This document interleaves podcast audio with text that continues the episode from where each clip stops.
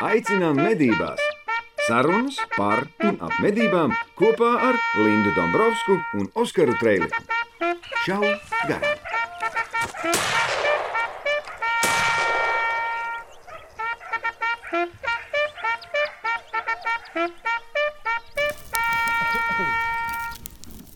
Mēs ar Raivo sēžam uz manas terases, Raivo Strēlis, mednieks, jaunais mednieks. Un viens iemesls, kāpēc mēs viņu uzaicinājām, mēs jau sen gribējām viņu uzaicināt, bet ir tas, ka iznācis ir jaunais mednieku gads.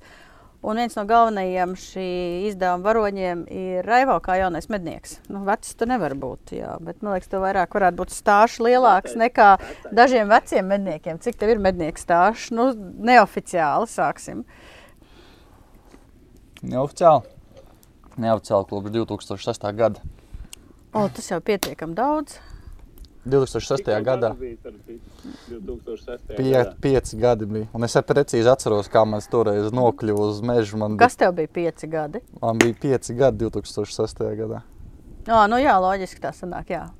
Tur bija stāsts tāds, ka, eh, kā es pirmo reizi nokļuvu uz mežu, kaut kas tur, man bija, protams, bija tā kaut kāda svētdiena, man bija jābrauc uz apakaļ laikam sešos gados skolā iet, vai ne? ne bendārs laikam bija.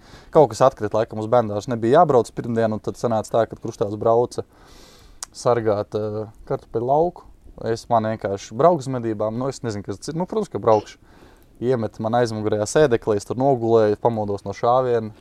Uh, paldies Dievam, uh, krustēvs. Nu, ļoti nav otrās iespējas radīt pirmo iespēju. Un tieši paldies Dievam krustēvam par to, Mm, es paldies Dievam, bet paldies Krustāvam. Lai gan manā gadījumā, ma, ma, manā gadījumā tas ir, manā gadījumā medībās viens tas pats tas ir. Uh, ir svarīgi bērnam neparādīt pārāk daudz pirmajās medībās neparādīt, varbūt, kad, nezinu, zina, kad dzīvnieks vēl, ir nomedīts, viņš jau tur kaut kāds nervu tiks vai kaut kas pārējais, kaut kāds uh, vēdināšanas process, to neparādīt pa daudz. Mani parādīja tikai tad, kad, piemēram, nomedīts dzīvnieks, man izstāstīja, ka cūka viņi darīja saimniekiem sliktu, ēda sešas kartupeļus katru nakti, viņiem tur tas izdzīvošanas jautājums. Un um, kopš tās reizes visi atbraucu uz bērnu dārzu, es pats vēl nesapratu, kur es biju, kas notika. Tad beigās kaut kāds tāds klikšķis, kad uh, nē, gribās atkal uz turieni. Gribās atkal redzēt to procesu, gribās ar. Nu, grūti izstāstīt. Mednieki, es domāju, man sapratīs. Tā ir tā kā mīlestība. Viņi nevar, izstā, viņi nevar izskaidrot vārdiem, ko tikai sajust. Nu, jā, bet tu... tagad nemedniekiem, Linda, tagad nemedniekiem, lai viņš paskaidro. Jā, jā, jo es tieši... Mednieki tas sapratīs. Mēs, mūsu klases skatās ne tikai uh, mednieki. Par to jau es arī tas gribēju. Par to es arī gribēju teikt, tāpēc, ka nu, mums kā medniekiem ir bieži jāargumentē tas, kāpēc mēs medījam. Nu, kāpēc, kāpēc tas ir vajadzīgs? Kāpēc tu nepērci gaļu veikalā, kas jūs badā esat? Nu, tas ir šausmīgi daudz komentāru. Jūs badā esat gaļa taču veikalā. Gaļas mhm. nepirkšana tās ir sekas medībām. Nu, tas ir, tā, tas ir uh, gala produkts no medībām, viens no gala produktiem. Bet, ja mēs uh, skaidrosim nemedniekiem, tad viens no labākajiem skaidrojumiem ir uh, īstenībā nervu sistēmā. Jo tad, kad tu esi mežā un arī šobrīd, kad mēs šobrīd sēž, sēžam divi tā dabā ārā, mums uh, nervu sistēmā vai nezinu, smadzenēs, kā to izskaidro, veidojās tāda, tāda viela kā endorfīns. Tie ir saucamie laimes hormoni. Un, pieņemsim, spēlējot sportu, tur ir citi fīni, atrodoties dabā, medībās, citi fīni un tā tālāk.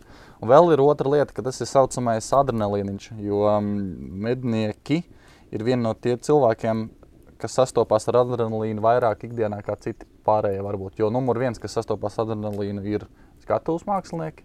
Viņiem vienmēr ir ļoti liels uztraukums, pirms viņi iznāk uz skatuves. Un mednieki, manuprāt, ierindojās top 5.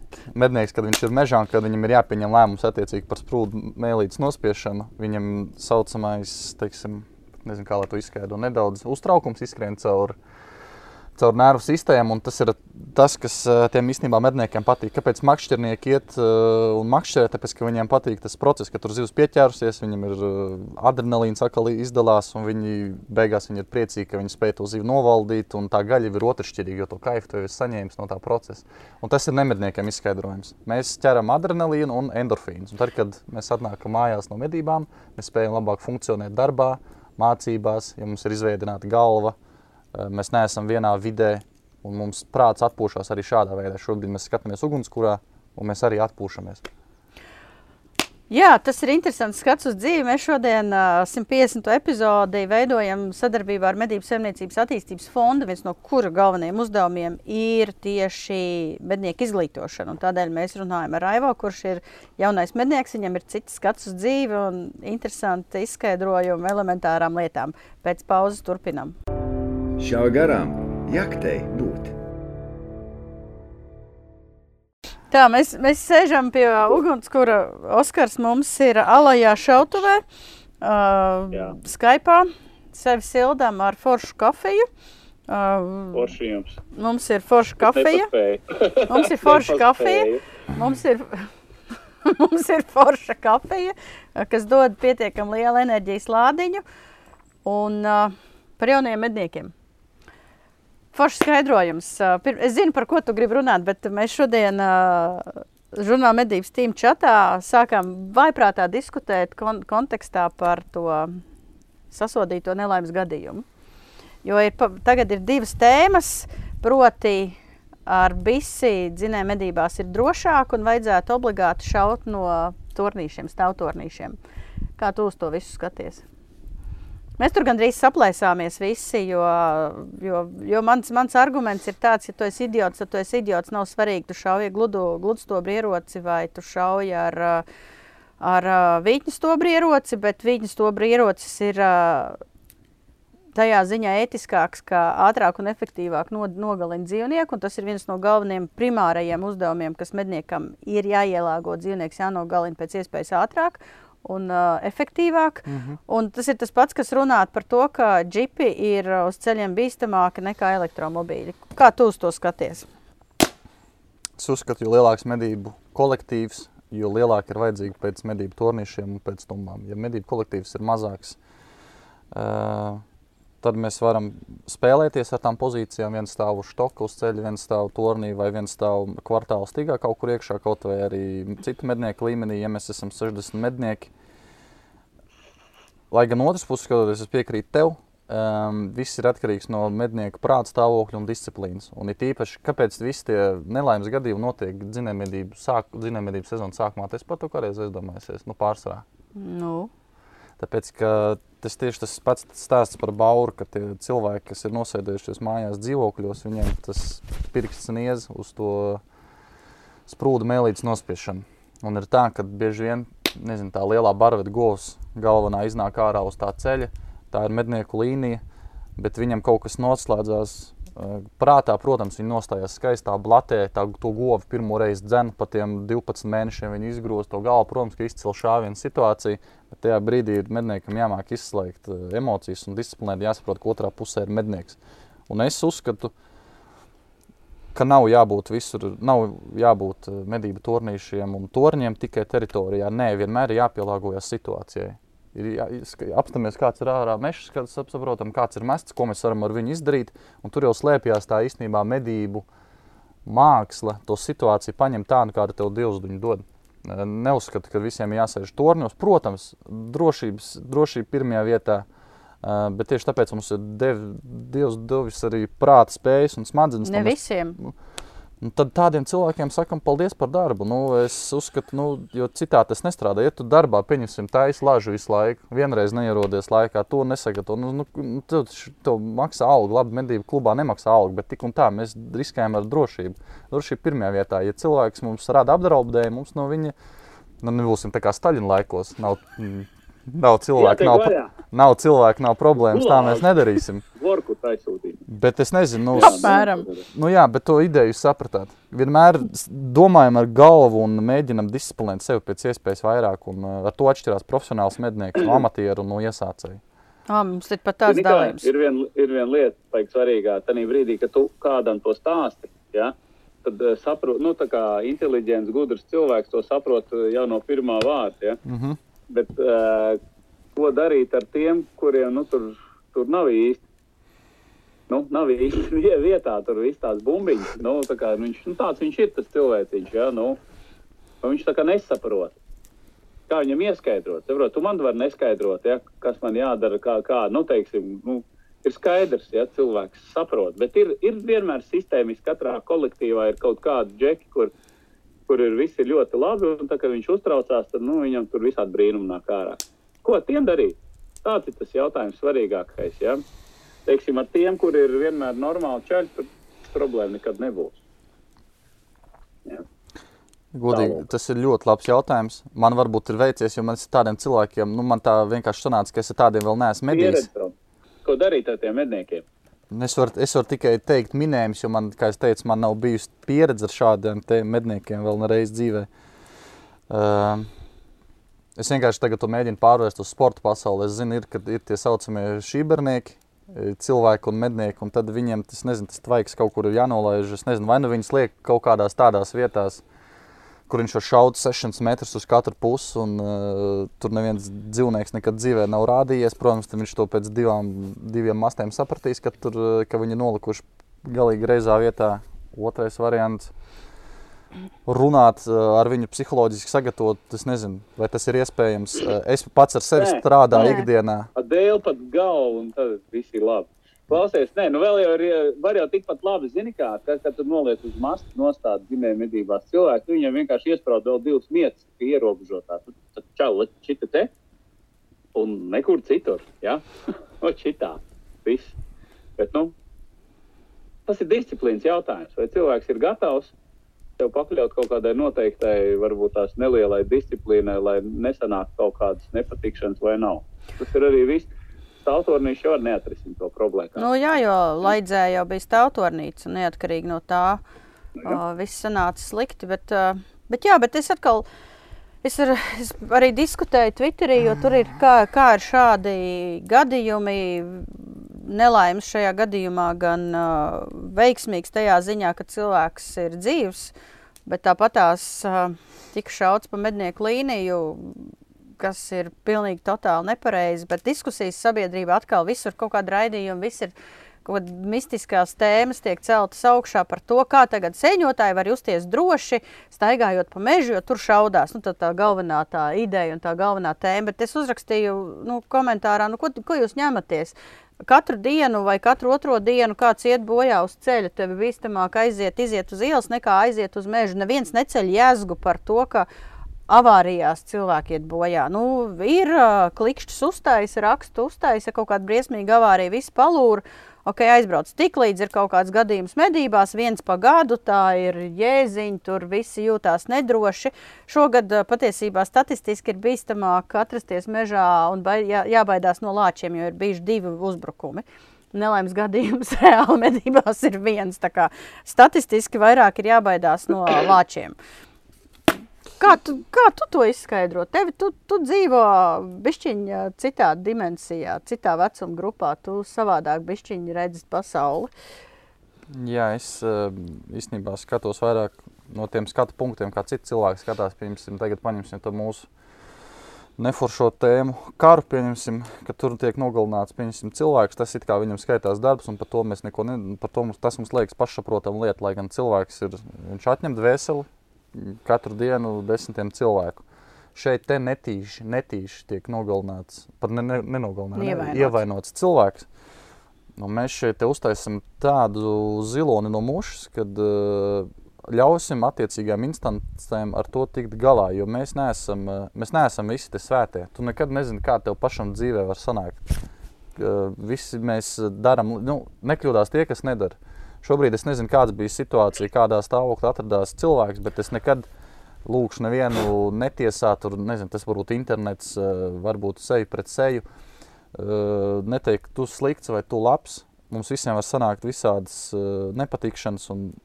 Vienmēr, pirms kādu vainot, vienmēr paskatāmies uz sevi, vai tu esi tiešām tik labs, un vai tu tiešām visu dari pareizi. Vai tu nezinu, nu, ļoti, kā paskatās šo situāciju. Es uh, skatos ļoti no attāluma, ok, kad es atvēru to ziņu, paskatījos, jā, es tur aizsūtīju varbūt trīs medniekiem, kas man ir nu, tuvi no tās puses. Mēs vispār nevienu komentāru neapmainījāmies, ne Vācijā. Mēs sapratām, ne jau cilvēks tīši tur kādam šāva vēdā. Mēs taču esam nu, pieauguši cilvēki. Protams, jā, bet, bet tas zilonis un tā muša ir attiecībā uz sabiedrības reakciju, nevis uz to, ka nu, tas ir traģiski un vaiprātīgi, ka tie noteikumi, kas ir rakstīti ar asinīm, netiek ievēroti. Nu, tas tajā ziņā no drošības viedokļa, manuprāt, šie gadījumi ir jāanalizē un jārunā atkal un atkal. Varbūt tās kādam bišķiņa aizķersies. Jo, jo katrs šis gadījums tiek pavērsts pret visiem medniekiem, pret visu mednieku kopienu, ne tikai pret to vienu, kas uh, uh, kaut kā nepareizi rīkojās. Lietuvā, starp citu, arī bija nesen gadījums, kad nošāva mednieku. Un tur esot bijis pie vainas Šnellers, starp citu. Nu, tā, tā runā, tā runā, tā runā. Bet labi. Tā runā. Par pozitīvākām lietām parunāsim pēc pauzes. Nu ko? Lādē iekšā! Mums ir, man ir dāvana tev no militārī kofija. Paskaisto. Paskaistošot. Šis ir jālī, jālīmē uz telefonu. Tu būsi tagad mūsu komandā. Ok, ok, nav problēmas. Nu, Es varu ar šitām. Nē, es domāju, ka uh, būs mārketinga komanda pret to, bet jā, nu, daudz līmē šitien ābolītiem pretī, bet es atradīšu pilotojumu, neuztraucieties. Uh, tā kā varat aiziet uz militārī šopu, un tur, ir, tur šobrīd tādas lietas var dāvināt, dabūt. Viņi atkal ir sadrukājuši tādas labas lietas. Jej.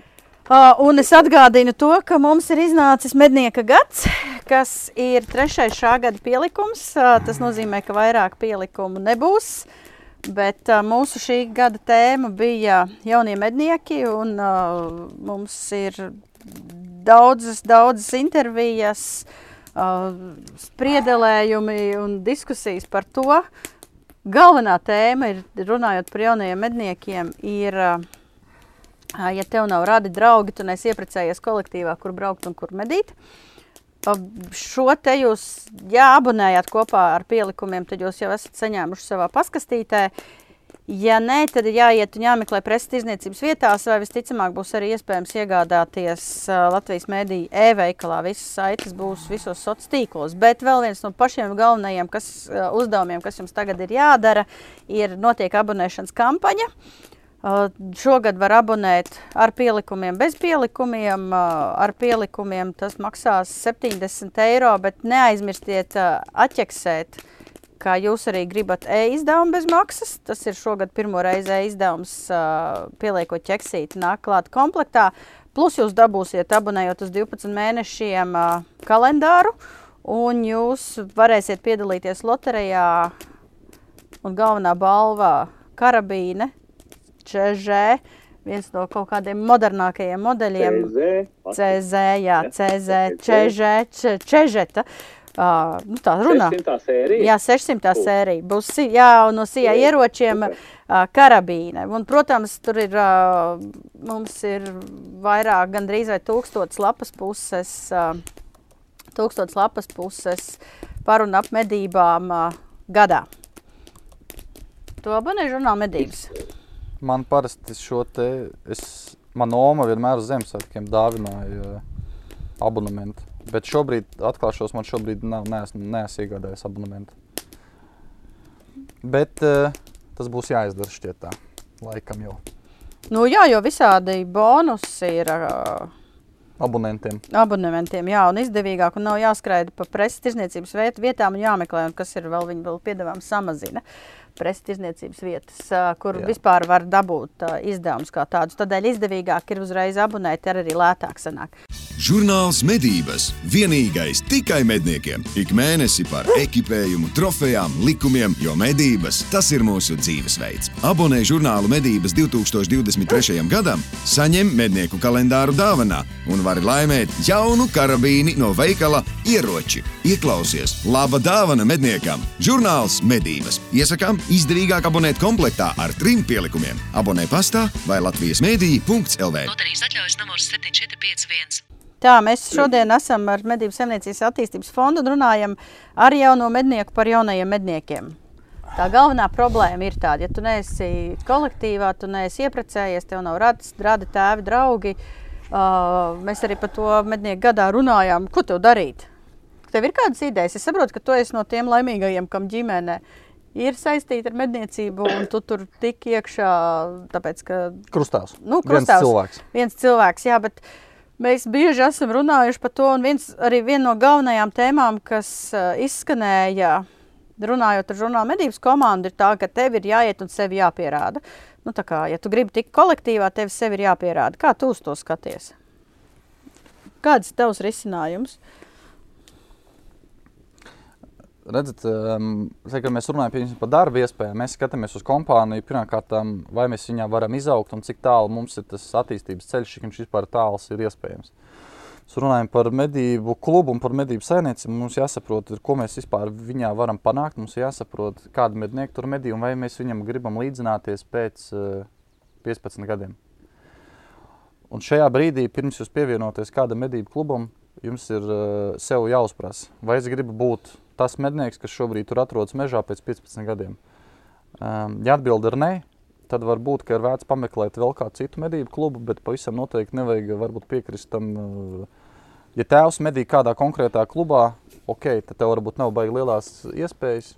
Tev viennozīmīgi tajā pašā klubā laikam jau būs arī jādarbojas. Ja tu esi tāds cilvēks, kam ir 28 gadi, nekad ar medībām iepriekš bijis saistīts, nolicis eksāmenu, nopircis vītņas to brierots, tu esi uh, entuziastisks, darot, nu, darīt gribošs. Um, tad ir ļoti daudz kas atkarīgs no tavām komunikācijas prasmēm un kā tu mācies sakontaktēt. Pat, nu, te, teiksim, kā ir. Ir jāiet, tas ir jāiet un jāprasa un jāmācās sevi pārdot tam medību klubam. Es gribu to, es tikko gribu darīt to, bet viennozīmīgi, ko es neiesaku darīt, tas ir uh, tūlīt ieviest varbūt kaut kādu jaunu sistēmu un pārvācīt vecos medniekus, jo tas nav iespējams. Tūlīt jūs būsiet melnajā sarakstā. Jūs to varat darīt, tad, kad jums ir noteikts kaut kāds, nu, varbūt status tajā medību klubā, tad jūs varat kaut ko pasviest, kaut kādu jaunu ideju. Bet, ja jūs iesiet ar to, ka es tūlīt taisīšu revolūciju un jūs te vispār visu darat nepareizi, tad jūs to medību klubu metēkli liksiet ļoti ilgi. Otrs variants - nauda īstenībā.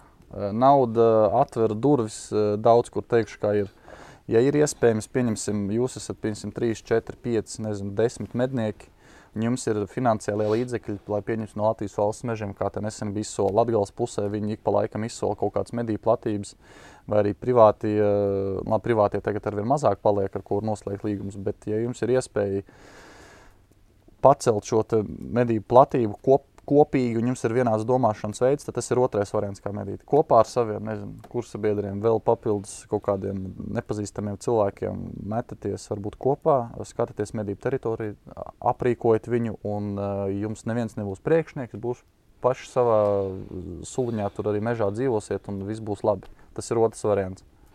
Jā, patiesībā tās iespējas nav daudz, bet nav tā, ka arī nekas nav neiespējami. Mēs zinām ļoti daudz piemēru, ka cilvēki, kas ir aktīvi un komunicē un sociālos tīklos meklē grupās iespējas, tad galu galā arī kaut ko atrod. Nu, es vienmēr saku, ja būs pirksti pa gaisu, tad uh, neizdosies ne tikai mednieku kolektīvā kaut ko atrast, tad arī jaunā darba vietā tev tur neviens nemī, nemīlēs. Bet uh, tieši par to, par to uh, kā lai paskaidro to, uh, meklē vārdu šobrīd par ko tu minēji, par to, ka jaunie grib nākt kolektīvā ar savām idejām, revolūciju. ar savu revolūciju un mainīt to veco pasaules uzskatu, un tad ir pretī tie vecie, kas, kuriem ir labi tāpatās, kuri negrib ne tur selekciju, ne tur sodus par to, ka nepareizi kaut kas nomedīts. Viņi vienkārši grib iet un lēnā garā čubinoties kaut ko medīt. Kā tu redzi to no savas skatu punkta? Cik ir tā lielā problēma, cik to problēmu ir jārisina? Vai tu esi bijis kādreiz melnajā sarakstā? Kādas ir tavas revolucionārās idejas?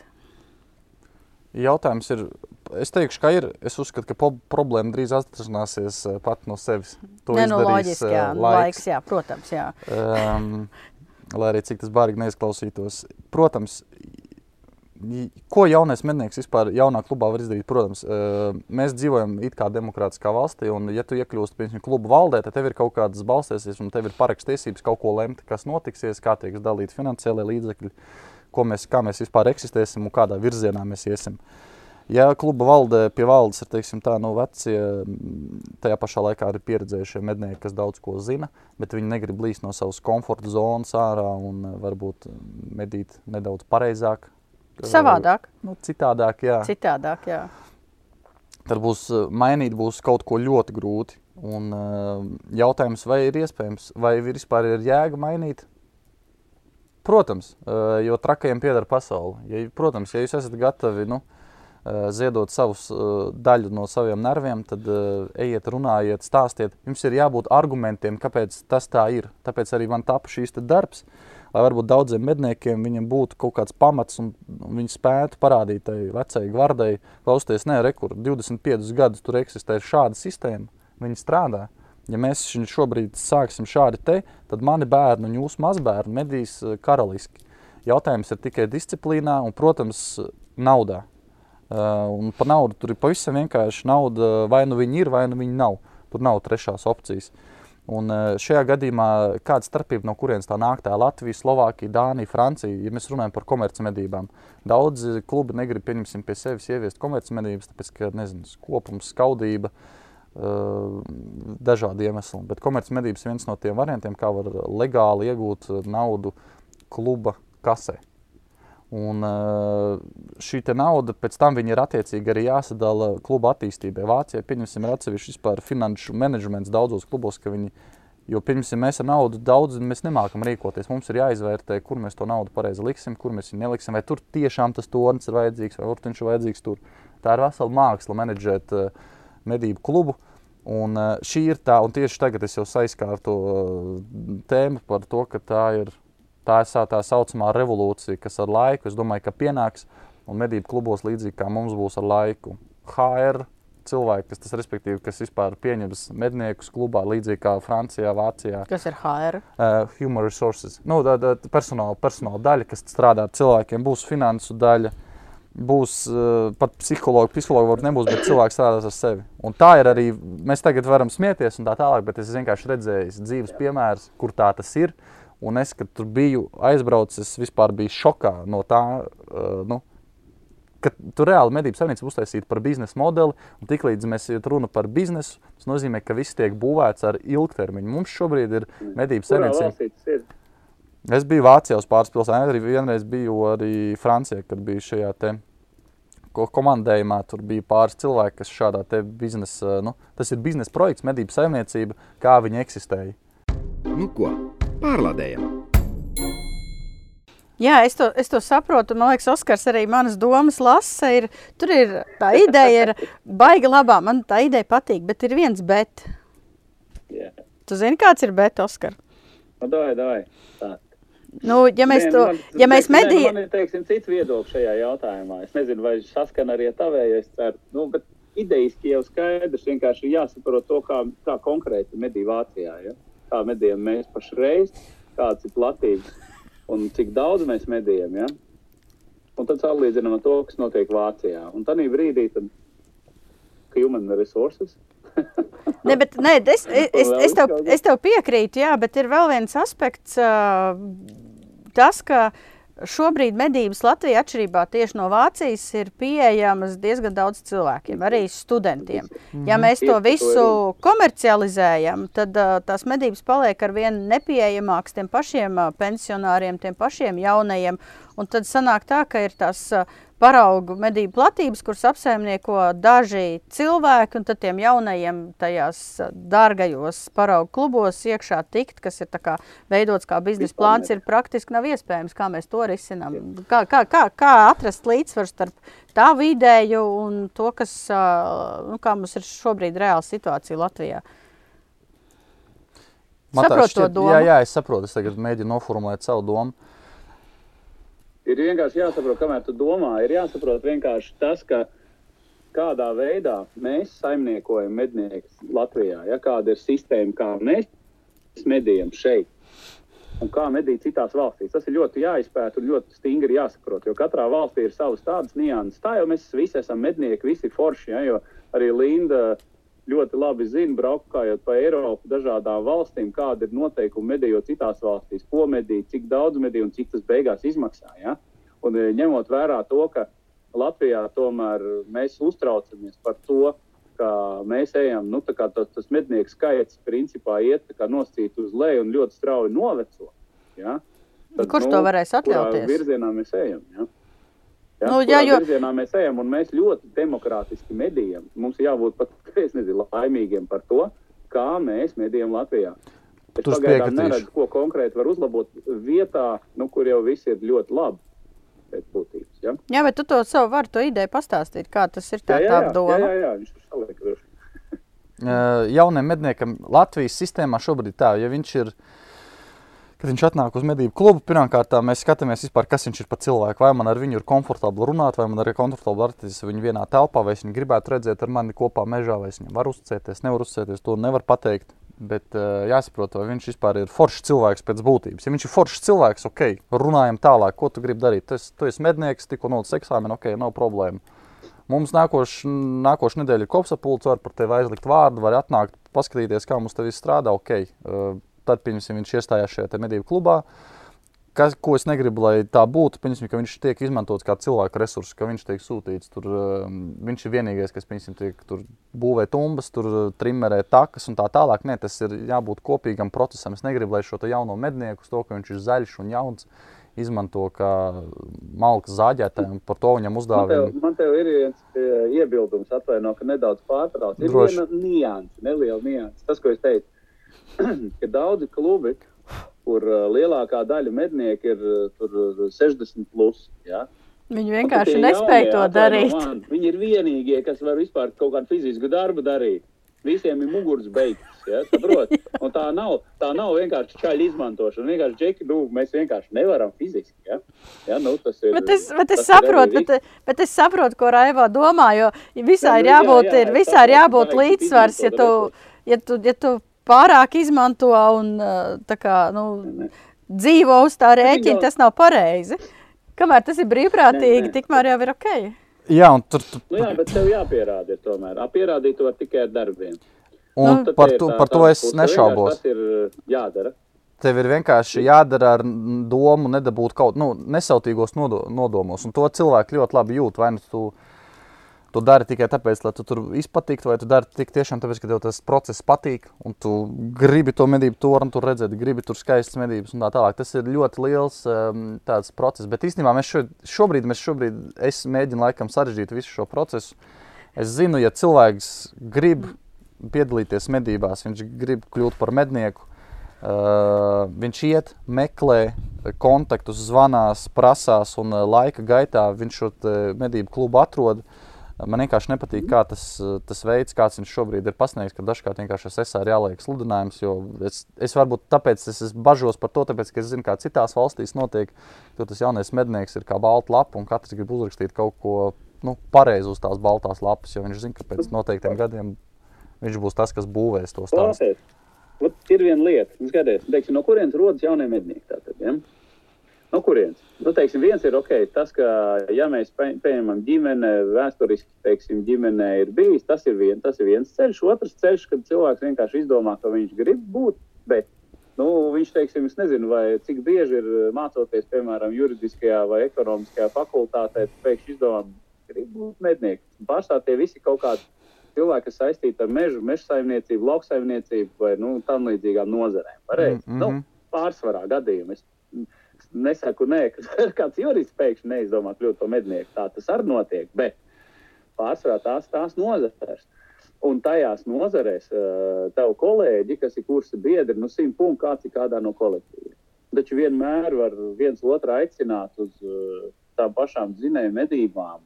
Nu, kā viesmednieks, ne, nezinu, nevienu kolektīvu, ja atsevišķs varbūt kurzemes kolektīvs, kur, kur drīkst vispār tikai radinieki ierasties. Arī uz ir, ir, ir. Ir, ir, ir, ir pat tādi kolektīvi, Nē, kas nē, pat ir, neaicina bet- viesmedniekus uz dzinējumedībām. Bet, bet tā nav tendence tāda, nu, visap, visaptveroša. Ja? Tie, viņi nav daudz, bet tāda ir. Bet tā pat laikā lielākā vismaz ir tāda, kur, jā, lūdzu, samaksā rekursi tik naudiņas un brauc ciemos. Un tad tu braukā pa šiem kolektīviem, iepazīsti cilvēkus, aizbrauc vienreiz, aizbrauc otrreiz. Nu, un tad jūs tur viens otram iepatīkties. Zin, tas tā kā, nu, iet līgā un meklēties. Zin, kā, nu, tā kā, jo- Meklēt jāatcerās dzimto arī- medību kolektīvu. Tas tā ir.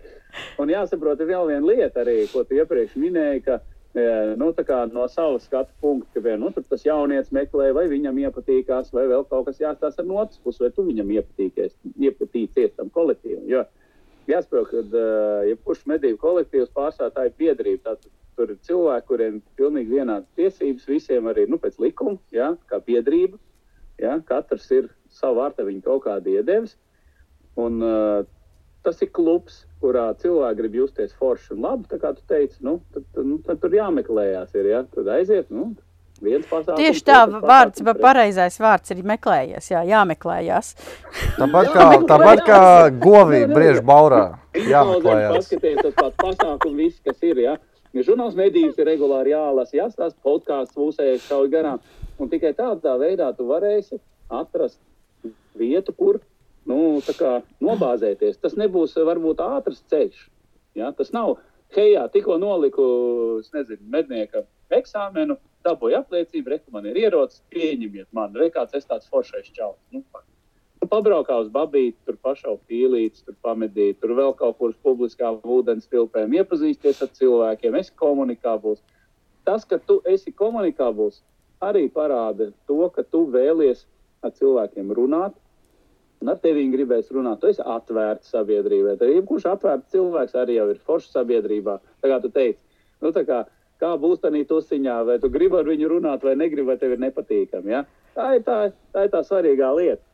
Un, uh, jo mēs jau meklējam vienādi domājošos visās šajās lietās. Nu, Tā ir Oskar. medībās. Par medībām, kā medību klubu, kā biznesa plānu mēs turpināsim pēc pauzes. Šā garām jaktei būt.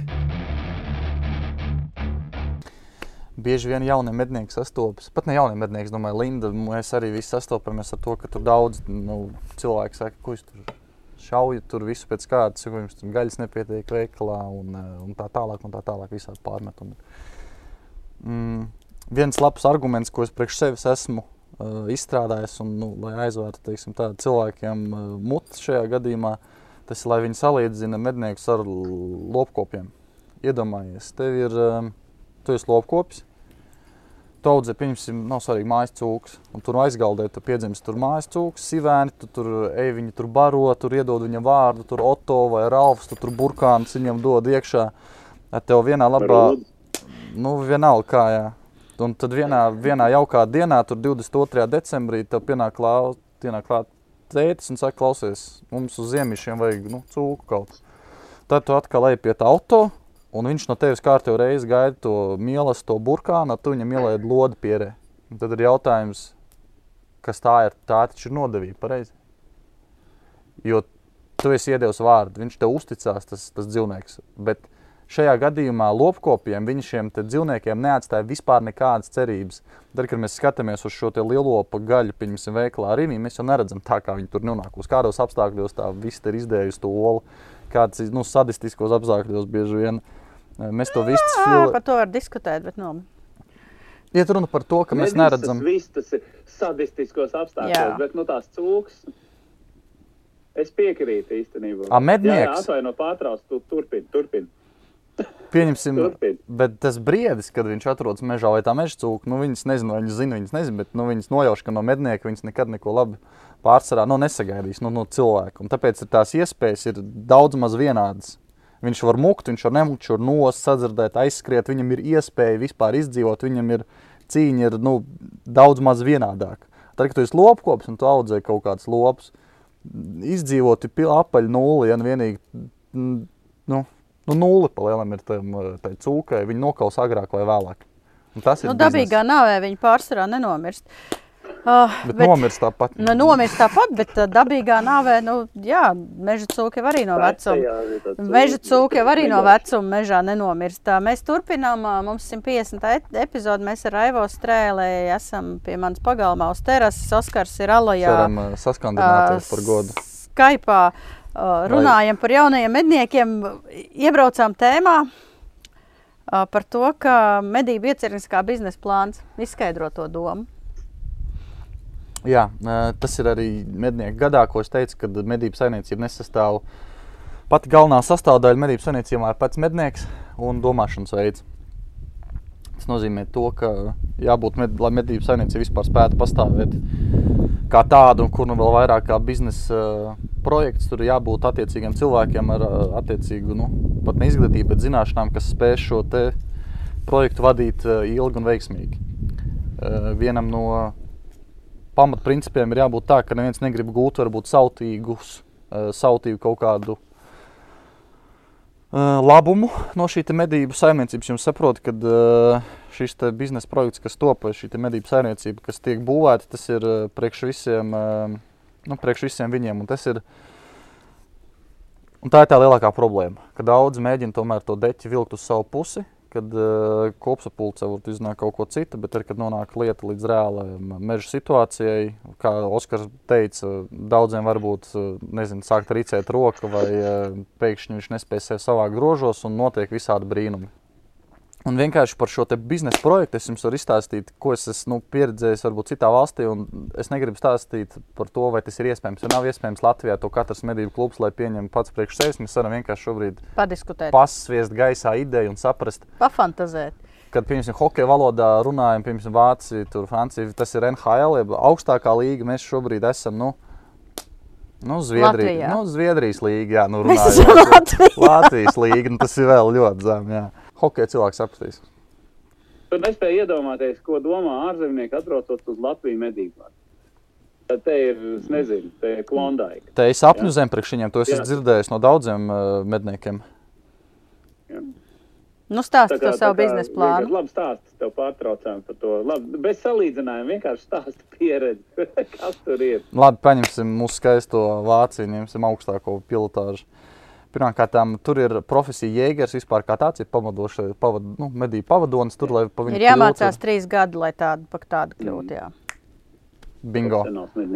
Pēc tam, tu saproti, tur cilvēki pat uh, ņem kredītu. Viņi, viņi ņem kredītu vispār, lai iestātos tajā augstskolā, jo viņi saprot, ka viņi investē sevi, viņi investē biznesā, viņi zina, ka viņš to naudu pēc tam dabūs atpakaļ Latvijā. To var salīdzināt, piemēram, ar, ar pilota kļūšanu par pilotu. Tu zini, kad uh, tu ņem lielu kredītu, banka dod tos 80 tūkstošus, tu izmācies par pilotu Air Baltica un pēc tam to laiku to atgūst. Līdzīgi ir Vācijā. Tad ir vesela grupa, vispār, kas menedžē šo medību klubu. Arī līdzīgi kā Francijā, runāju, ir uh, atsevišķas daļas, kas uh, nodarbojas ar jauno mednieku piemēram, piesaisti.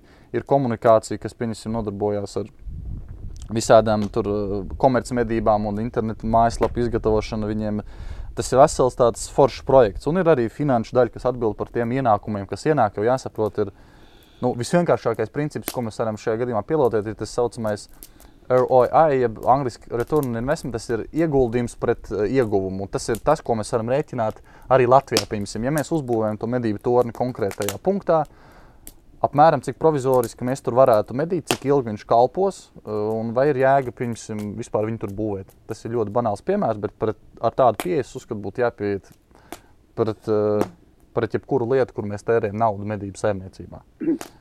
Oskar, droši var Jā, jā. papildināt man.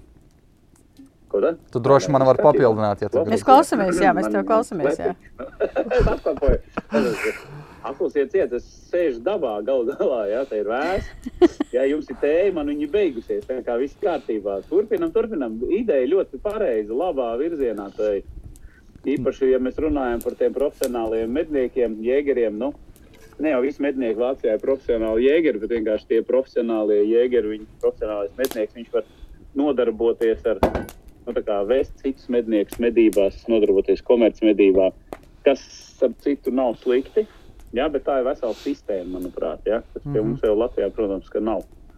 Nu, mums, mums par jēgeru kļūst praktiski mācoties. Nu, kā praktiski ejot medībās, nevis apgūstot kaut kādu Nu, izglītību. Pat tad, ja tu beidz meža fakultāti, tev tur ir tikai viens kurs uh, pa medībām. Tu, tur nav specializācija medības Nu vai mednieks vai profesionālais mednieks. Tajā ziņā es pilnīgi piekrītu, ka Vācijā situācija ir Mhm. daudz labāka.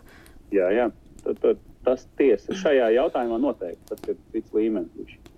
Okay. Es nezinu, varbūt statistiski es varu vienkārši varbūt, nu, pateikt vienu ideju. Es te septembrī biju uz vienām šaušanas sacensībām uh, apakškalnā Staicēlas reģionā. Tur um, šķiet bija apmēram 40 cilvēki, 40 mednieki no dažādiem medību kolektīviem. Man tur kaut kādi 5, 6 kaut kādi bija. Un uh, reāli cilvēki, kas bija līdz 25 gadu vecumam, man liekas, bija kaut kādi 5 vai 6, nu, respektīvi 15%. Uh, Vācijā uz šādu pašu pasākumu, bet tur bija. Bet, à, Vācijā vispār ir likums, ka tur ir, tev ir jāpierāda katru, lai, lai tu dabūtu to medību mm, iespēju un apliecību nākamo gadu. Tev ir jāšauj tātad eksāmenis, tev jās, jā, jāspēj pierādīt, ka tu spēj, spēj sašaut. Šo es negribu celt gaisā Latvijā. Es zinu, ka daudziem tur ir patīk vai nepatīk. Nē, nē, vajag, vajag celt, vajag, vajag celt. Mēs par to visu laiku jā, Tas ir jautājums, pie kura mēs visu laiku atgriežamies. Ja? Par obligātu eksāmenu. Bet nu, tas ir jautājums. Es varu pateikt, Ok. okay. tā Vācijā viņš ir. Un Vācija ir viena no paraugu valstīm uh, pasaulē medību ziņā. Nu, ta- tas arī šo Medi, jautājumu. es precizēšu, medību organizācijas ziņā. Jā, Medību tā. organizācijas ziņā. Tam es pilnīgi piekrītu. Jā. Jā. Nu ko? Lādē iekšā! Nu, lūk, Bet es, es godīgi sakot, es, eh, man metās bail no tā, iedomājoties, ja mums pēkšņi būs tāda sistēma Latvijā kā Vācijā. Tas ir. eh, tas ir gadiem ilgs process. Es arī šobrīd vēl šitā nevaru iedomāties. Tāpēc, nu, tāpēc, ka tas ir. Tāpēc, ja mēs nu, tieši tā, jo ja tas šitā te notiek, tad uh, principā mēs reāli zaudējam kaut ko no tām, tās medību sajūtas un no tā, tām medībām, kā mēs to pazīstam Latvijā. Jo mēs uh, Eiropā mēs savā ziņā arī esam ļoti, ļoti unikāli. Jā. Arī ar atļauju ziņām, ka mums ir klusa, ko mēs drī- vispār vilku drīkstam medīt. un Tas vispār ir uh, fantastiski. Un, un, uh, un, un, un, bet, bet, ja godīgi, tas long story short, ko es gribu pateikt visiem, Īsāk sakot, Īsāk sakot. īsāk sakot, mēs, es, mums ir palaimējies, ka mēs dzīvojam internetu pasaulē. Mums ir iespēja aizlidot un paskatīties uz citām pasaules valstīm, ko mēs no šī varam izņemt. Mēs varam paskatīties, kā medīt citur, paskatīties, kādas sistēmas ir citur, paņemt to, kas der mums. Un novērtēt to, kas mums jau ir, jo mēs saprotam, ka citās valstīs tā nevar un tā, tā nav. Tāpēc uh, esam pateicīgi nezinu, vecākiem dievam, ka mēs piedzimām šajā laikmetā. Mums ir iespēja apceļot pasauli, paskatīties, kā medīt citur, un kaifojam un baudam to, kas mums jau šeit ir. Ja gribam uzlabot, tad uzlabojam, uh, bet uzlabojam ar prātu, tā lai nesabojātu to galveno ideju, kāpēc mēs ejam uz mežu, mēs ejam pēc emocijām. Nevajag, protams, visu pārvērst komercializētā procesā, ņemam tas, kas mums ir dots, un baudam. Tas ir īsais stāsts. Nu, re. Nu, re. tā ir tā galvenā lieta. Bet, nu, jāsaprot, ir vēl, vēl. Mēs vienmēr, nu, vispār, principā, arī sevi atceroties, jauns, ka bija visu laiku gribējis kaut ko mainīt. Nu, kaut ko baigt, nu, kaut ko uzlabot, kaut ko mainīt. Kaut kas nav liekas, šķiet, viss ir nepareizi. Vēl kaut kā, ja mēs paskatāmies, izbraucam cauri tā visām valstīm, pat tepat tās blakus. Kaimiņus paskatoties, viņi jau medī pavisam savādāk nekā mēs. Tās nedaudz citas tradīcijas, nedaudz cita pieeja medību saimniecībai un, un tam, kā viņi to dara. Tas nozīmē, ka nu, kādēļ mums būtu, mēs varam tiešām, kā tu pareizi saki, skatīties uz citām valstīm, paņemt to labāko un mēģināt pielietot šeit. Bet mums nekādā ziņā nevajag mainīt to, kas mums jau ir, kas mums jau ir labais. Nu, nevajag mainīt to, kas strādā. Nu, To, precizēsim kas tā. strādā. Jā, jā, tieši tā. Nevajag mainīt to, kas strādā. Nu, nav jātaisa tur kaut kāda revolūcija tur un kaut kāds apvērsums. Tur, tas vispār nevienam nav vajadzīgs. Vienkārši mēs varam paņemt no turienes, no turienes, no turienes. Nu, kaut kādas idejas, protams. Dažādi, gan Ungārijā savādāk, Slovākijā savādāk. Nu, es jā, arī Vācijā negribētu- Savādāk, Austrijā vēl savādāk. Ungārijas sistēmas arī negribētu. Nē, nu, nu, par to ir runa. Tas, kāpēc viņi arī pieminēja. Ja, tā ir vispār greizi. Un, ja mēs tad, teiksim, kas mums tur vēl ir, vēl īrija, jā, vēl ir. Nu, Nu, tur- īrijā ir ok. tāpat Nē, ir, ir ok. Igaunija, Lietuva. Lietuvai jau ir savādāk nedaudz nekā pie mums. Nu, jā. stipri savādāk. Viņam ir 270 medību inspektori. Bet labi, nav stāsts par to. Uh, starp citu, mums uh, pirms ieraksta mēs ierakstījām Raivo uh, šauju garām dalībniekiem 27. epizodi. Kas ir tiešraidē, un jūs varat, ja jūs esat mūsu maksas kanāla dalībnieks, jūs to varat noskatīties. Fantastiskākās pērles bārstīja Raiva attiecībā uz to, kā, kā selektīvi medīt buļļus un kā, kā atšķirt selektīvu no neselektīvu, kuru medīt, kuru nemedīt. Bet tu pieminēji, ka tu esi uzrakstījis kaut kādu darbu. Mēs tos noslēpumus tagad neatklāsim visiem, tas ir tajā epizodē, bet tu pieminēji kaut ko, ar ko tu, ko tu visiem stāsti un rādi, un kas tas tāds ir?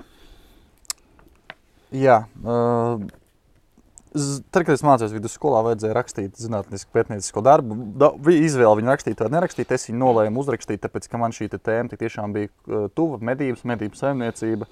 Darba nosaukums ir tātad šī saimniecības ietekme uz tālbriežu populāciju un trofeju kvalitāti. Uh, ko es no šī darba ieguvu? Uh, īsos vārdos sapratu to, ka ko es jau teicu, medību saimniecības galvenā sastāvdaļa ir cilvēks. Um, un otra lieta, protams, teikšu, ka ir naudai arī ir samērā liela uh, nozīme. Nē, nu, protams, Um, protams, to mēs nevaram skaidrs, To apšaubīt. mēs jau dzirdējām. jau Mēs šodien jau reiz. jā. Vienīgais, ko tu guvi, kādas atziņas no tā rakstot šo? Atziņas ir tādas, ka ir uh, jāpieturās pie konkrētiem uh, pamatprincipiem. Tīpaši mēs runājam par stāvbriedi. Uh, kā es varu, ja mēs gribam, mēs varam pārskaitīt vēl vienreiz. Nē, to varbūt. mēs negribam. To mēs negribam.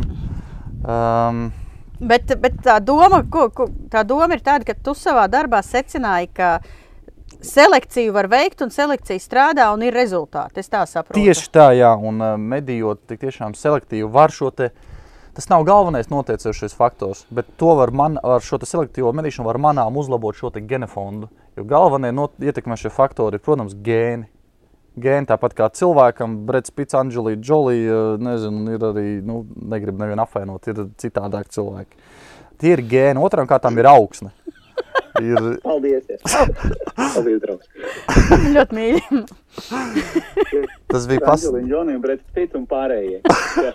ir divā, dalās divās kategorijās cilvēki. Brits Pits un Džolija un ir pārējie. Jo Bet jūs, ir- jūs pārējie, mēs, ar, mēs pie pārējiem. Mēs pie suņiem. Mēs esam suņiem. Labi. Labi, stāst tālāk par gēniem. Jā. Sakot, skatieties, draugi, mīļie, skatieties obligāti e, YouTube, mūsu maksas kanālu. Tie, kas vēl to nav izdarījuši, obligāti abonēt. Tas palīdz mums arī tomēr izplatīt izplatījumā daudz dažādu informāciju par medībām par un ap. Tad, tad e, maksas kanālā Linda mums taču ir vienmēr kaut kas jauks, kaut kas tāds, ko mēs nerunājam. Jā, bet, bet, uh, bet Raivo var pastāstīt par briežiem, No, kas ir Anģelīna Džolija un Brets Pits. Jā. Um, man izsit no domas Oskars ar šitiem te suņiem. Nē, bet um, jā, Tu runāji par to, ka jā gēni gēni, nosaka numur, gēni numur viens, augsne numur divi. Trešais ir, tik, trešā vieta ieņem uh, selekciju. Vēl ir jāsaprot, cik jums ir, pieņemsim, lielo plēsēju skaits teritorijā. Būs liels vilku skaits, viens vilks 48 stundās vienu teļu ieliek vēderā. Man ne, nu, un, uh, to jūs tagad pareizināt uz briežu skaitu, tad jūs saprotat, cik jūs, cik jūs varat atļauties vilkus turēt teritorijā. Citi var atļauties 30, citi var nevienu. Visu limitu ietveros, lūdzu. Pareizi, Mm Līna. -hmm. Oh, Kleps tev, jā, laikam. Okay. Un, eh, nu, lūk, šādas lietas. Un, Palielam tie ir tie galvenie principi. Kādas ziemas mēs ietekmēt nevaram, laikapstākļus ietekmēt nevaram, to mēs kontrolēt nevaram. Un baroš, barošana mēs nu, 15 gadus tika barota, pēc tam tika pārtraukts barot intensīvi, rada kvalitāte nekritās. Ha! ha. Jā, tas ir, tas ir svarīgs Paga, punkts. jā. paga. Man liekas, mēs ļoti labi barojam briežus tagad. Ļoti Latvijas Nu, valsts dara ļoti labi baro šobrīd. Un lauksaimniecība. Jā, bet, bet tajā iecirknī, kur tu medīji, tur sp- īpaši tika piebaroti brieži, un tad, kad pārtrauc piebarošanu, ko, kas tad viņi palika tievāki? Nekas vai? nemainījās. Vienkārši viņi, jo mēs barojām viņus it kā nu, sākotnēji tika barots, tāpēc pat ne priekš šādiem, bet priekš pieturēšanas, ka viņi tika pieturēti konkrētai teritorijai. Bet uh, mēs domājam, varbūt, ka kritīsies raga kvalitāte īpaši ziemā vai kaut kāda kvalitāte Nē, nu, nekritās. jautājums, jautājums, vai jums tur ir eh, lauksaimniecībā izmantojamās zemes? Ir, tuvumā? protams, tur aboliņš ir Tā- tāds, ka es pats labprāt viņu tur ēstu, tur zupā iekšā. Tu- Tur tas Nē, ir, nē, ir nu, Oskars. Par to ir runa. Vienkārši barības bāze ir. Jā, bet tas Nu, nenozīmē, ka ir pārtrauc Nu, piebarot, nepalielinājās kaut kāda postījuma intensitāte. Vai to korelācija tur bija vai nebija? Palielinājās Latvijas valsts meža. teiksim tā. Viņi ierāca pie mums iekšā, palielinājās jaunaudu skaits, respektīvi palielinājās arī postījumi. Ne, nebija tā, ka.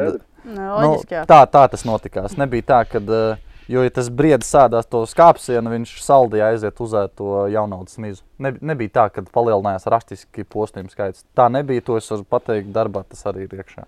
Ah, tas bija interesanti patiesībā. Tas ir baigi interesanti. A, tās, tās, tos, tajā darbā tu atspoguļoji nevis kaut kādu teorētiskus pieņēmumus, bet reāli tas, kas jūsu medību klubā notiek. Jā, reāli ar reālām fotografijām, ar kopš 97. gada vi- visa, statistika, cik, medī, cik ir nomedīta buļļa, kāda buļļa, visām medaļām, visiem punktiem. Uh, tad ir skatījos arī, kāds attiecīgā laika apstākļi bijuši konkrētajā gadā. Tur nevarēja nekādu nu, savienojumu īsti atrast. Jo, ko es teicu, vēl tas zelta būlis vai tas sudraba būlis, viņš jau vēl ir jāatrod tajā mežā. Un tur ir arī ļoti liela, nu, veiksmē arī ļoti liela nozīme. Jo, pieņemsim, tam zelta būlim, viņam līdz tiem 12 gadiem vai 11, Nu, viņam ir jāizdzīvo, viņam jāizdzīvo vilka, viņa mašīna, piemēram, var noteikti mašīnu nešķirot, tas ir perspektīvs, neperspektīvs. Vilks arī viņu var sabadīt cīņā, viņu var ieklīst pie kaimiņiem, viņu tur novērtē kā zeltu, no, nošauja ātrāk. Ļoti daudz visādas nianses, kas ietekmē. Un tad, protams, ko es teicu, ja tā kā mednieks saprot, ka tas ir zelta bulls, viņš ilgi nevilcinās, protams, ka viņš viņu medī. Nu, lūk tā, jāsaprot, ir, nu, medniekiem ir jāstrādā ar savu galvu, jābūt disciplinētiem, un tad viss būs labi. Šāva garām, jaktei būt. Tā kā es atvados, darbie draugi, šaujiet garām, ja? izplatiet mūsu izplatījumā, liekiet laikus. Linda jau tur beigās pastāstīja, kas tur ir jādara. Jā, jā, jā, jā. Un tā, šit, tā kā, jā, jā, jā, jā, jā, jā, tā kā, Devai, Oskar, šauj garām. un tā, un čau, un čau. Čau tā, garām. tā tā. Pēdējo punktu mēs īstenībā varētu pieskarties par šo te par um, tehnikas attīstību, ka tas ir nenormāli plats, plats solis priekš stāsti. selektīvām medībām. Uh, 90. gados varēja tieši tā pati selektīva medīt, tikai tad bija tā, ka bija gludstobra ierocis, un ja tu tiec klāt tam medījumam, tad tu palielam arī viņu medīju, tu zini, ka tu otru reizi varbūt tu viņam otru reizi tik tuvu tam zeltam vai sudrabam nepieies, un nāku, nezinu, vai, tu viņu, iz- vai viņš izdzīvos. Mūsdienās ir tādas optikas, ir tādi tālskaši, ir tādi binokļi, ka mēs varam novērtēt to būli smalkās niansēs, lielos attālumos, pa vienu vakaru redzēt uh, 7, 10, 12 buļus, un, uh, un tā ir ļoti, nu, man, man prieks, ka es esmu piedzimis un medījis šajā tieši laikmetā, ka mums ir tādas tehnikas, ka mums ir tādas iespējas. Un tas ir, kā man arī teica Ulrichs Akmeņlauks, uh, tas bija ļoti plats, plašs solis pretī selektīvām medībām, jo nu, mēs to dzīvnieku, to ragu redzam nu, ļoti, ļoti tuvu, varam izvērtēt, un tas ir ļoti svarīgi Es īstenībā. tev tajā ziņā tev pilnīgi piekrītu, tāpēc ka mums ir arī tie paši nemednieki un pretmednieki. Viņi ik pa laikam uzsver par to, ka nu, jums jau tur oh, ir tās tehnoloģijas, jums tur ir tie tēmēkļi, jūs tur pa 400 metriem kaut ko varat nom nomedīt, nošaut. Viņi saka, nu, ka tur nav mm -hmm. problēmas, ka tam dzīvniekam tās iespējas paliek ar vien mazāk un mazāk. Bet, uh, bet no otras puses, atkal neviens limitu nav atcēlis nu, piemēram, ā, ā, stāvbriežiem un aļņiem. Ā, Tāpat tās, ja tu visu izšausi, tev nekas tur nebūs, bet vienkārši tās tehnoloģijas ļauj labāk novērtēt, novērot. Un tad, kad ir tā iespēja, tad tu arī raidi to šāvienu. Kā tu uz to skaties?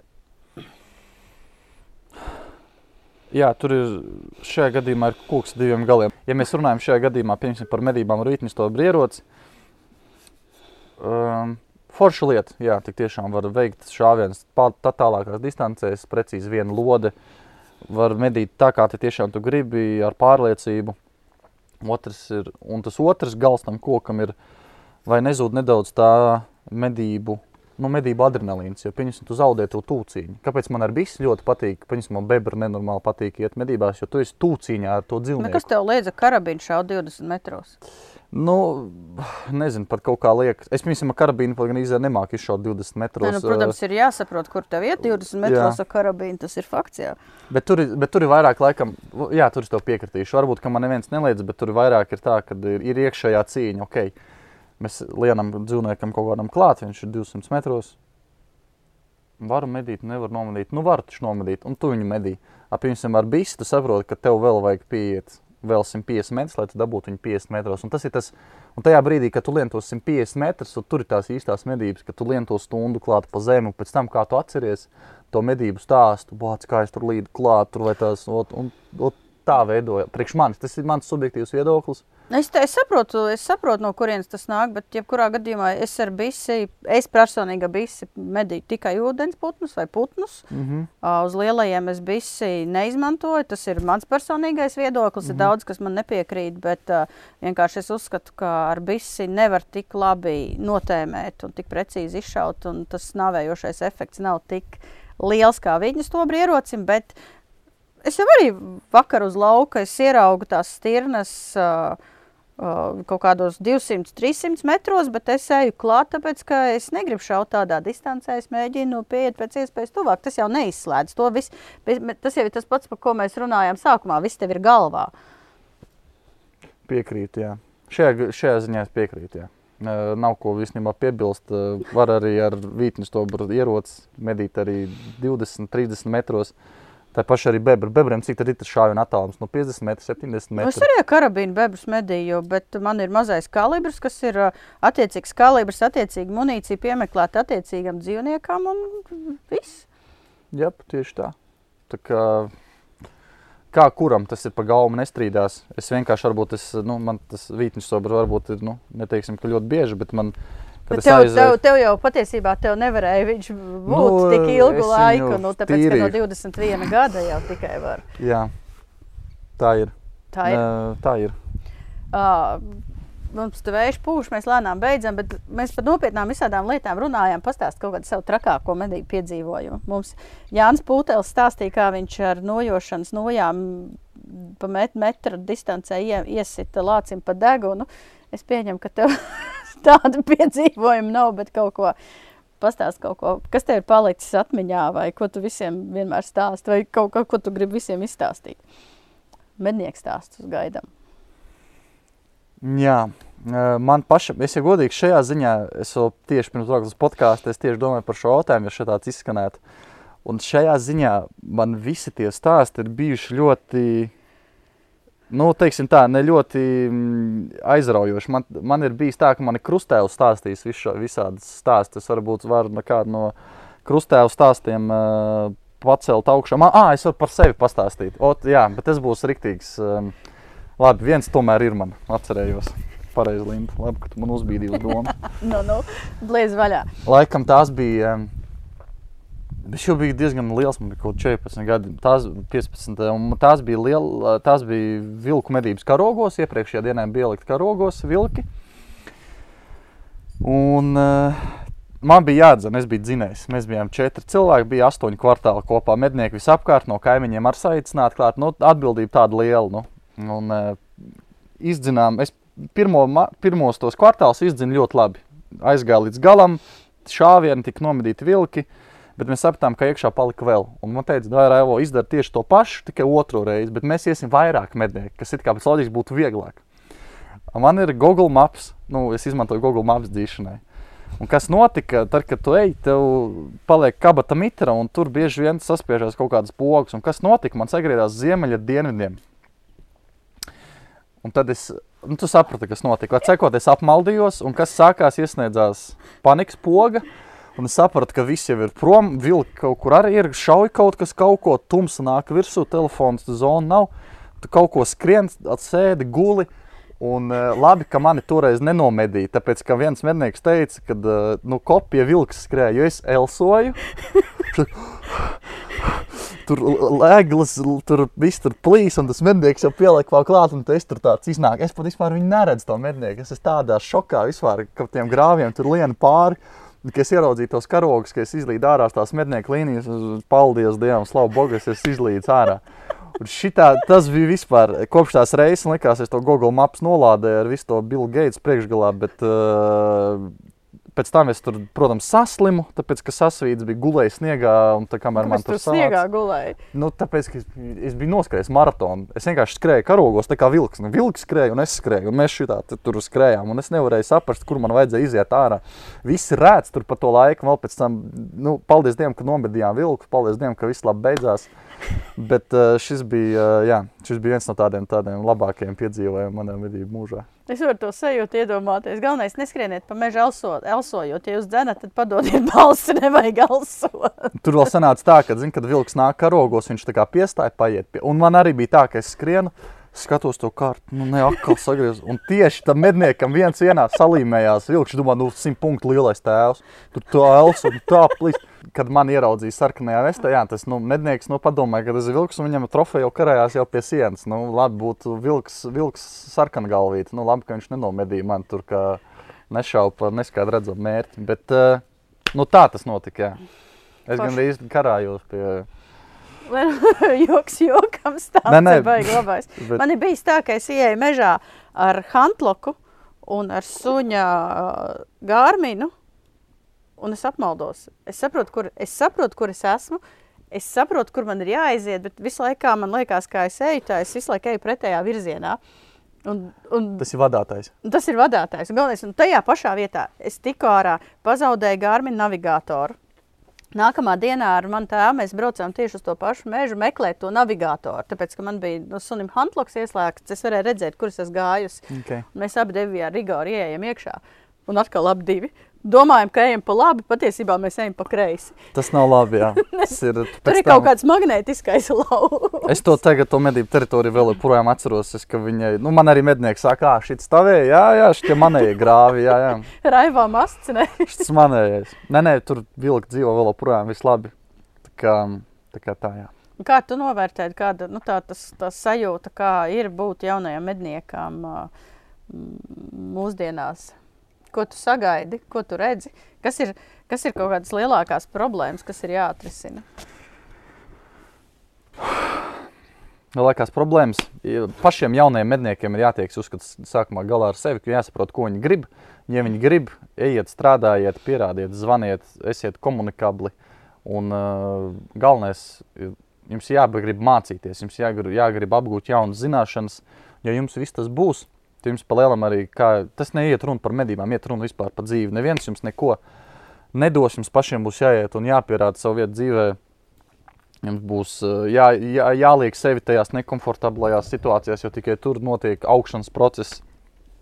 Un, uh, tas ir ar visu pārējo. Mēs šobrīd ne, mēs ne, nevaram izmainīt medību klubu sistēmu, jo viņa mums ir tāda, kāda viņa ir, un viņa mums ir laba, un viņa man arī savā ziņā patīk. Jauniem medniekiem vienkārši atrodiet foršu mentoru, skolotāju, uz kuru jūs gribat līdzināties pēc desmit gadiem. Dariet visu, ko viņš liek, esiet labākais skolnieks. Un uh, nevajag celt pirkstus gaisā, es esmu no turienes tāds un tāds. Bet, nu, esiet vienkārši forši cilvēki, esiet, esiet labi cilvēki pret jums, pret jums attieksieties labi, un viss, ko jūs dodat, nāks arī atpakaļ. Nu, Bet, man liekas, ka tas jau ir tikai, ja tikai attiecībā uz medībām, tas dzīvi. vispār attiecībā uz dzīvi. Tas tā ir. Ja tu strādā, tad tu tās algu agrāk vai vēlāk dabūsi kaut kādu. jā, tieši tā, tas ir vienkārši, nu, tu, nu, vienkārši tev jābūt foršam labam cilvēkam, un Nevajag domāt, ka kaut kas pienākās, nekas nepienākās. jā, tieši tā. Un nevajag sūdzēties, un sūdzēties, nesūdzēties. Nedrīkst Es tev sūdzēties. pasūdzēšos.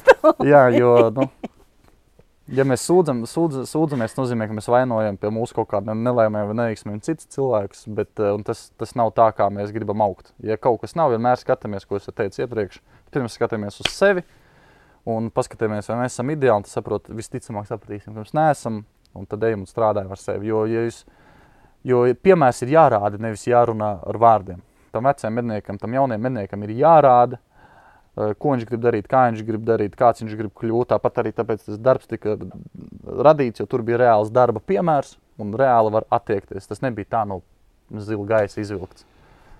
Viss. Tā, tā, tāda ir tā manējā formula.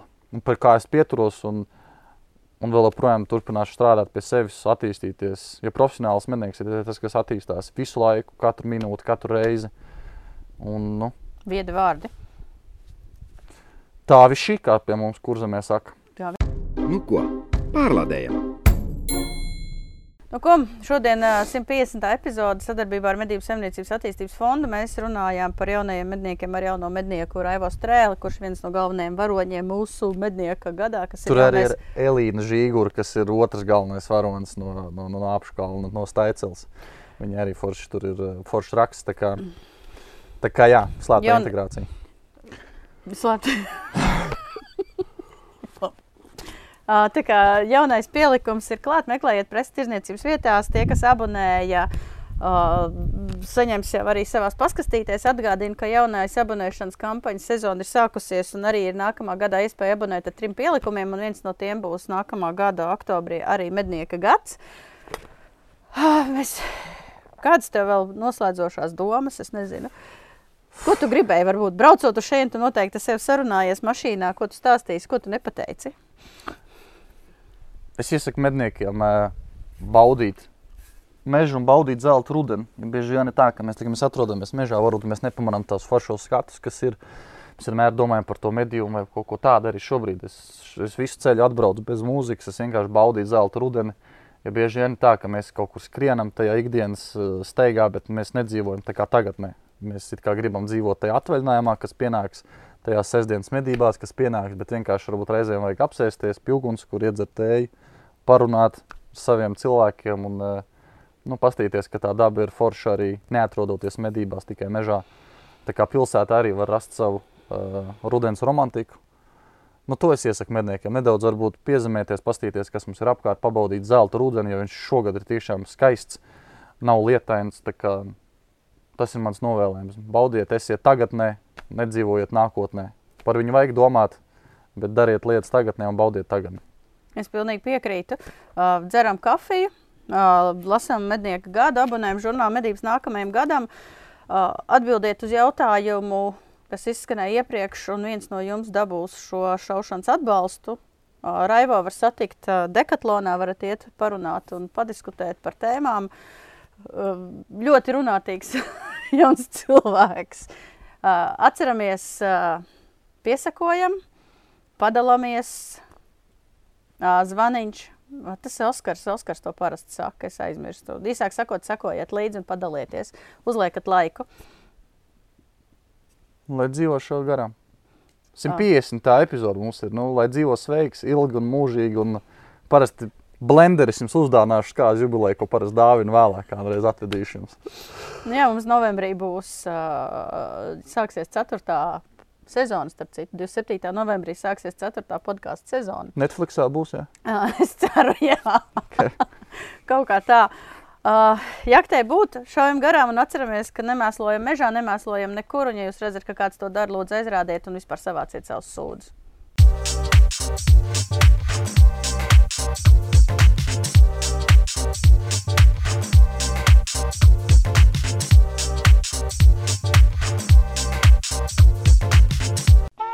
Ņemamies nost! Masts beidzies!